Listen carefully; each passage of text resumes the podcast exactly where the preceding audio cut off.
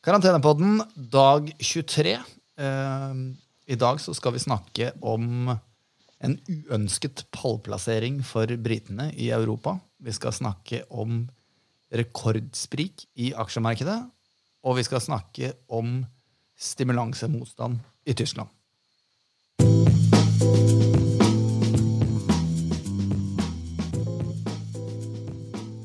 Er du med meg, Christian? Det er jeg. Vi skulle jo egentlig spille inn i går, men uh, det er mye man egentlig skulle. Og sånn blir det ikke alltid. Men bare så alle vet det, framover nå så spiller vi inn på tirsdager og torsdager. ikke sant? Så langt vi, det lar seg gjøre, i hvert fall.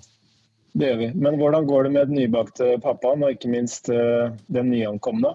Du, Det går faktisk veldig bra. Han er uh, relativt glad i å sove, enda mer glad i mat, og lager egentlig veldig lite kvalm. Så det, så langt så går det veldig bra. Det er jo ikke veldig smart å jinxe den der, selvfølgelig, for før du vet ordet av det, så blir det ordentlig vanskelig. Men nei, det går eh, skikkelig bra, og veldig, veldig hyggelig. Høres lovende ut. Det gjør det. Hva er det britene troner øverst på nå i Europa?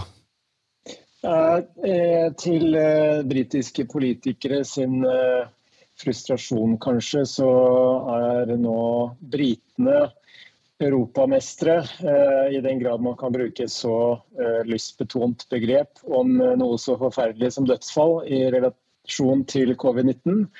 Eh, med ja, De nærmer seg 30 000, eh, mens de da har passert Italia med noen få 100. Eh, og det er jo egentlig en indikasjon på at selv om eh, smitteveksten og, dødsfallveksten hvis man kaller det, i verden helt klart er på vikende front, som jo er veldig veldig positivt, eh, så er det for tidlig å liksom si at vi, vi er ferdig med dette her.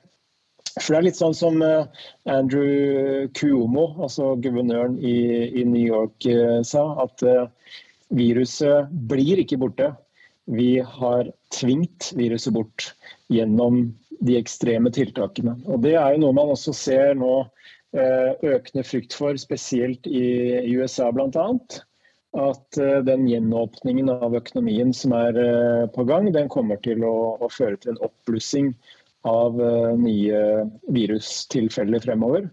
Og Trump-administrasjonen har også vært ute og oppjustert anslaget for eh, hvor mange daglige dødsfall man kan få i USA fremover. Så situasjonen er fortsatt uh, veldig, veldig vanskelig uh, i veldig mange land, selv om de ser ut til å være forbi det aller verste. Nå er, ikke, nå er ikke Norge noe godt eksempel, da, men enn så lenge så har jo i hvert fall den Eh, gradvise åpningen som vi har vært gjennom her, ikke gitt noen sjokktall enda. Det kan selvfølgelig være et lite lag der før man ser effekten av åpnede barnehager og skoler osv. Men uh, har, har, vi, har, vi, egentlig noen indikasjoner på noe endring der i det hele tatt? Eh, på at gjenåpningen skaper en ny bølge i Norge? Yes. Nei. Det siste jeg fikk med meg i dag fra det myndighetene sier, er at vi har en reproduksjonsrate, altså dette R-tallet, på 0,64. Og det er jo godt under det nivået på 1 som må til for at uh, epidemien lokalt faktisk skal skrumpe inn og, og bli mindre i, i, omfang.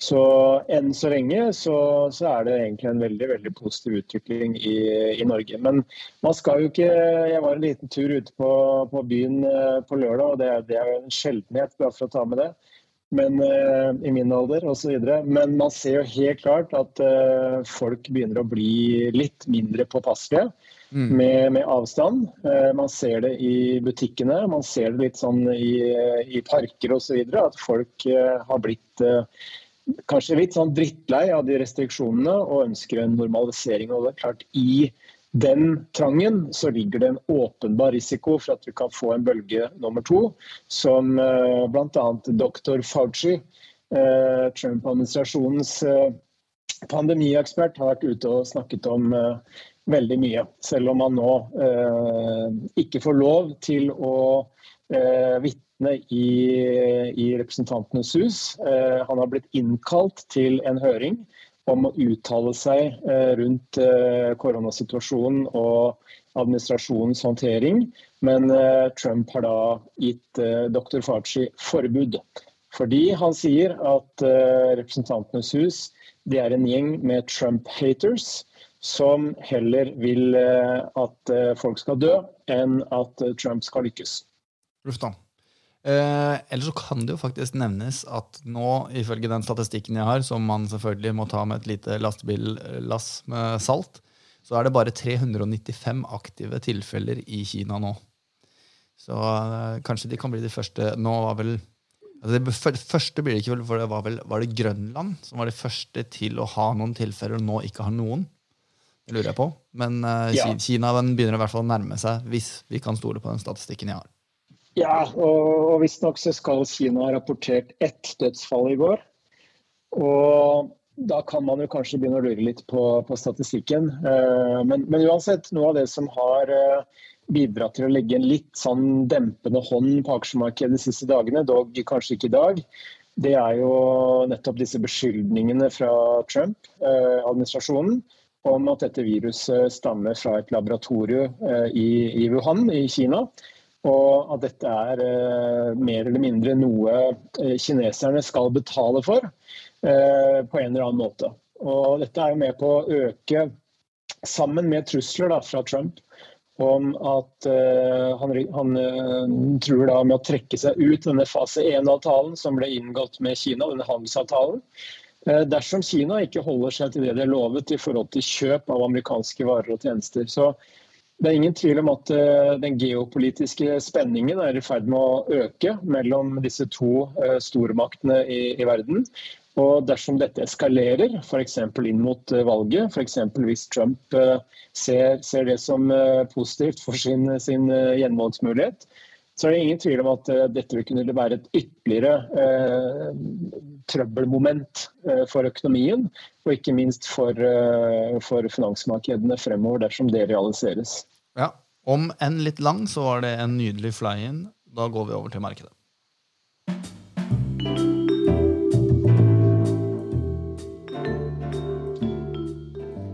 Rekordsprik i aksjemarkedet. Kristian, forklar oss litt om hva, denne, hva du sikter til med denne spriken.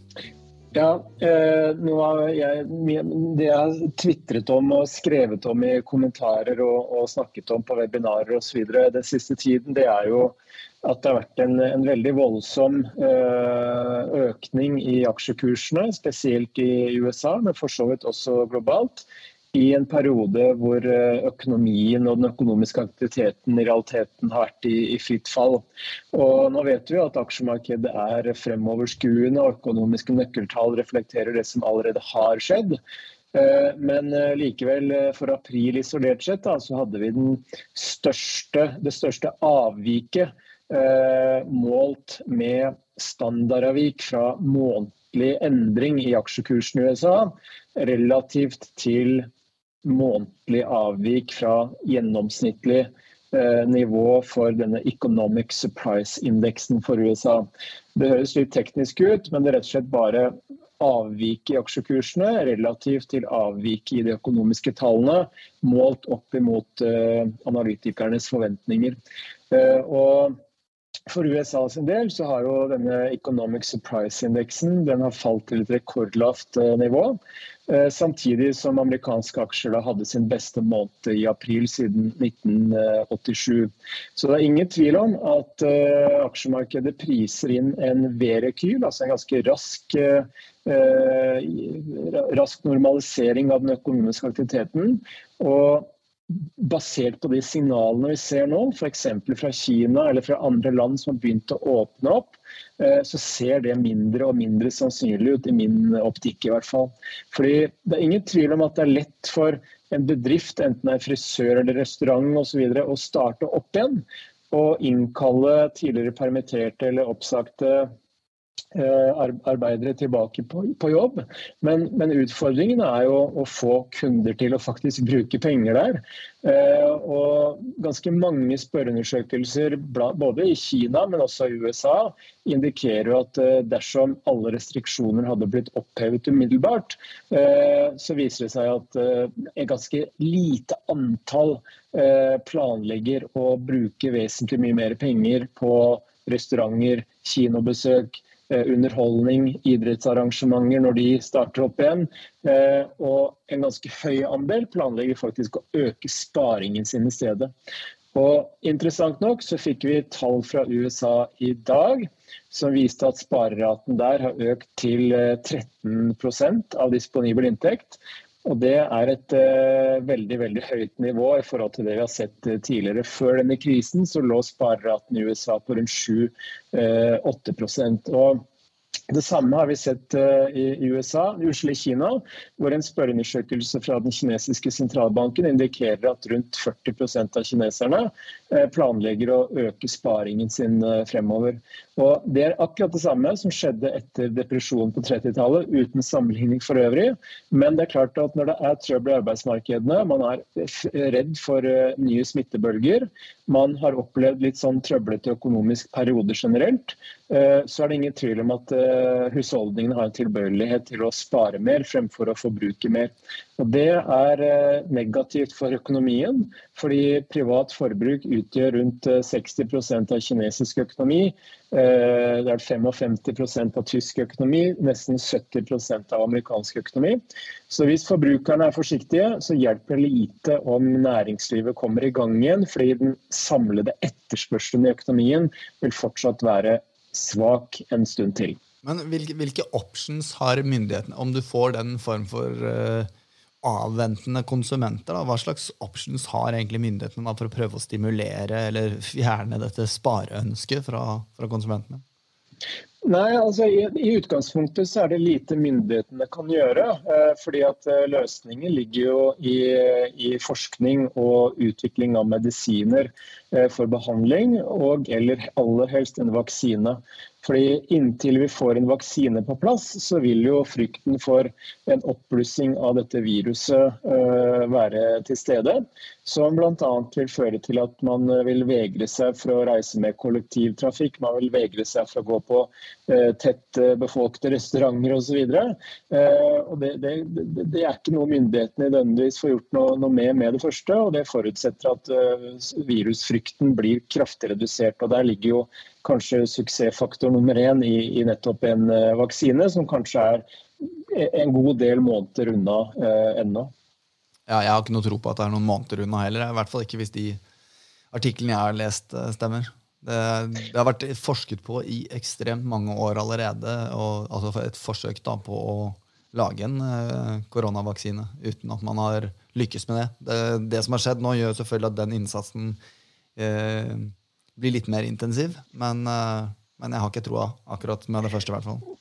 Nei, jeg, jeg, hørte litt av det samme på en eh, podkast også, hvor de sier at dersom vi skal ha en vaksine i første kvartal neste år, så må de forsøkene som gjøres nå, ha maks flaks. Altså alt må stemme av eh, alle mulige. Uh, ja, faktorer som kan gå feil. De, de, kan ikke gå feil, men de må treffe bulsa bullseye rett og slett for at vi skal ha en vaksine såpass kjapt. Ja. ja nei, vi, eh, vi, får, eh, vi, får, følge med videre på det. blir spennende, i hvert fall. Men um, policy-siden, la oss gå over til policy. Hva er det som skjer i Tyskland? Ja, aller først bare nevne at Vi har hatt en ganske god børsdag i dag. Oslo Børs stengte rundt 0,9% opp, Europa over 2 og I USA så er eh, SMP opp eh, drøye 1,6% i øyeblikket. Det er jo med bakgrunn i bl.a. Eh, en kraftig økning i oljeprisen, som nå har bikka over 30 dollar fat igjen. Og Det skyldes i hovedsak at man har sett litt lavere lagerbygging i USA. Vi vet at disse produksjonskuttene fra OPEC og Russland har kommet i gang nå som det er mai. Og vi har også sett at den amerikanske oljeproduksjonen eh, faller eh, ganske kraftig. Bl.a.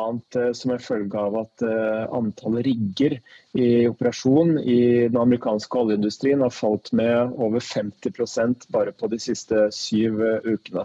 Og når vi også vet at økonomien er i ferd med å komme litt tilbake igjen i, i gjenge, Eh, så øker også oljeetterspørselen. Så samlet sett så har oljeprisen steget, og det er veldig, veldig bra for energiselskapene, ikke minst for norsk økonomi eh, også. Hvor man, jeg må ta med det, har sett faktisk fallende arbeidsledighet eh, de siste ukene. Så det kan se ut til at norsk økonomi kanskje er forbi det verste allerede. Og det vil være hyggelig. Men Christian, jeg vet ikke om du er noen ekspert på amerikansk oljeproduksjon, men broparten av oljen som produseres i USA, hva, hvilken del av oljeproduksjonen kommer det? Hvor stor del er fracking for eksempel, av den totale oljeproduksjonen i USA? Ah, eh, der har jeg ikke nøyaktig tall. Eh, da må jeg bare lene meg litt sånn på, på, det jeg husker fra, fra tidligere. Men eh, oljeproduksjonen i USA har jo falt fra rundt 13 millioner fat per dag til i underkant av 12 millioner fat per dag, hvis jeg ikke husker helt feil. Og av det så tror jeg at en 7-8 Eh, millioner fat per dag er eh, skiferolje. Um, så hvordan, skiferindustrien har blitt en ganske avgjørende del for, for uh, oljeindustrien i USA. Men det kommer jo ikke til å vedvare hvis vi fortsetter å ha en oljepris på det nivået her? Nei, eh, absolutt ikke. og Det er jo det oljemarkedet også responderer på til dels. Da, fordi man ser at uh, man får såkalt supply destruction, som vi vel har snakket med hver danske bankers de siste ukene. Nemlig ditt poeng at når oljeprisen er uh, lav, og betydelig lavere enn uh, en produksjonskostnadene, så vil mange selskaper rett og slett ikke kunne opprettholde driften. De må stenge ned, og det betyr alt annet likt lavere oljeproduksjon, som igjen er positivt for eh, oljemarkedsbalansen. Og også, som jeg skrev i min markedskommentar i dag tidlig også, så ser vi at av de, flere av de store eh, oljeselskapene i USA, f.eks. Exxon Mobile eller Chevron eller eh, ConocoPhillips, eh, de eh, reduserer også oljeproduksjonen. Ikke nødvendigvis fordi de har veldig lyst, men fordi de ikke tjener penger på det. Eh, med til sammen 660 000 fat per dag, var det vel, innen utgangen av eh, juni.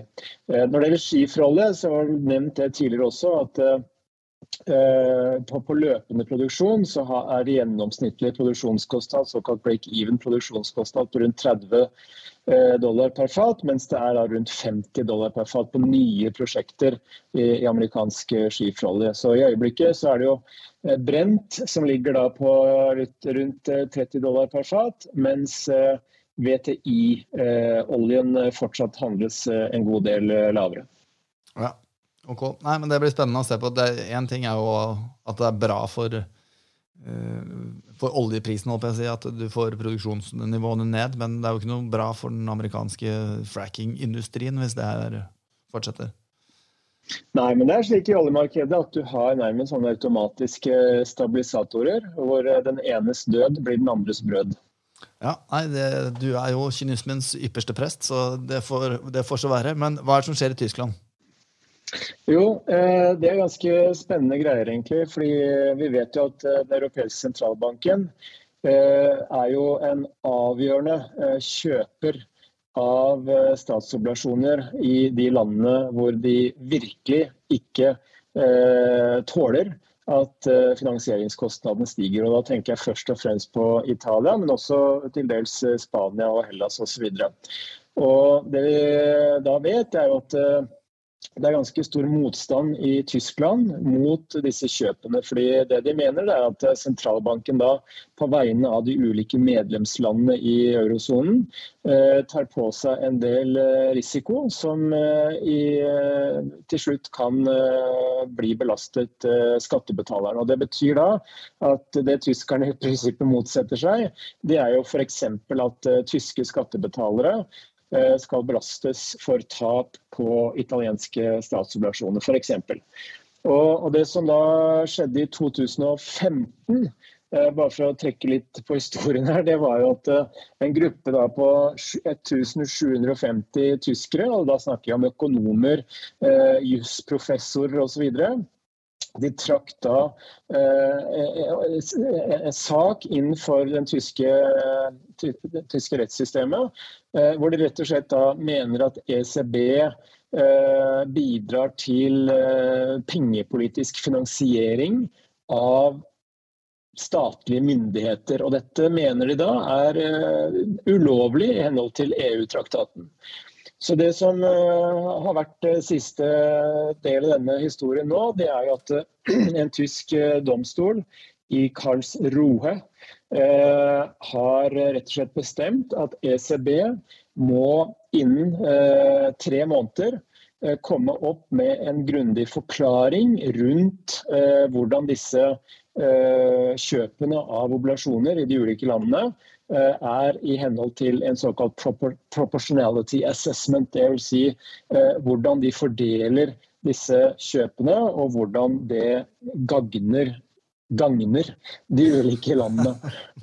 Så I utgangspunktet så er ikke dette noen umiddelbar trussel, men det som kan være et potensielt neste steg, det er at denne dommen, da, hvis den faller, og ECB ikke klarer å svare godt nok for seg i henhold til det tyskerne ønsker, så vil de kunne kreve at den tyske sentralbanken slutter å kjøpe eh, tyske statsobligasjoner.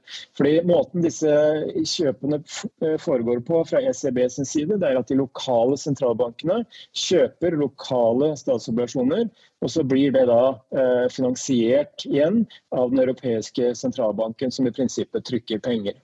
Og Hvis eh, vi kommer dit at eh, den tyske eh, sentralbanken ikke får lov lenger til å kjøpe tyske statsobligasjoner, så kan det egentlig stikke en ganske kraftig kjepp inn i hjulene for hele eh, oblasjonskjøpprogrammet til Den europeiske sentralbank. For da vil man begynne å grave sannsynligvis fra tysk side inn i hvorvidt hele dette obligasjonskjøpprogrammet er eh, i henhold til eh, EU-traktaten høres jo ikke sånn umiddelbart veldig positivt ut for EU i det hele tatt. Nei, eh, og det bidrar jo til at eh, ikke bare så er disse oblasjonskjøpene et politisk eh, problem, men det risikerer jo nå også å bli et juridisk problem. Og det er klart at For Italia, som er helt avhengig av å ha lave finansieringskostnader på sin statsgjeld, og ikke minst kunne gå ut i oblasjonsmarkedet og låne penger til en lav rente, med tanke på de ekstreme utgiftene de har relatert til koronakrisen, og den meget høye statsgjelden de har i forhold til sin nærmest ikke-eksisterende BNP-vekst, eh, så er dette rett og slett livsnødvendig. Eh, for spesielt Italia, men også for flere av de andre sydeuropeiske landene. At dette fortsetter å fungere. Ja, det, Vi får følge tett på det. Kristian. Har du noe du ønsker å plugge før vi runder av? Eh, nei, jeg tror ikke det i dag. Fordi eh, nå har jeg jo invitert eh, ganske mange på Twitter til å motta mine markedskommentarer som jeg sender ut. Jeg prøver å skrive hver dag. Så i går så fikk jeg Jeg rakk ikke å telle over, men eh, jeg tror jeg begynner å nærme meg 1000 uh, eh, mottakere på den uh, kommentaren. Så det er jo morsomt. Så, influenser. Ja. Du er en influenser, Kristian. Finansiell influenser. Ja, det er helt nydelig. Har du, uh, har du fortsatt de ukentlige webinarene dine? Ja, vi har webinar hver mandag. og så har vi også et webinar for holdt på å si, mer mer nerdete kunder annenhver eh, onsdag. Og jeg legger jo ut linker da til begge disse webinarene på, på min Twitter-konto. Og det er da Twitter-handel eh, alfakrøll lie chr. Ja. Ja. Men det er bra. Vet du hva, Da tror jeg vi runder av her, Kristian, og så snakkes vi igjen på torsdag. Det gjør vi. Ha det. Ha det.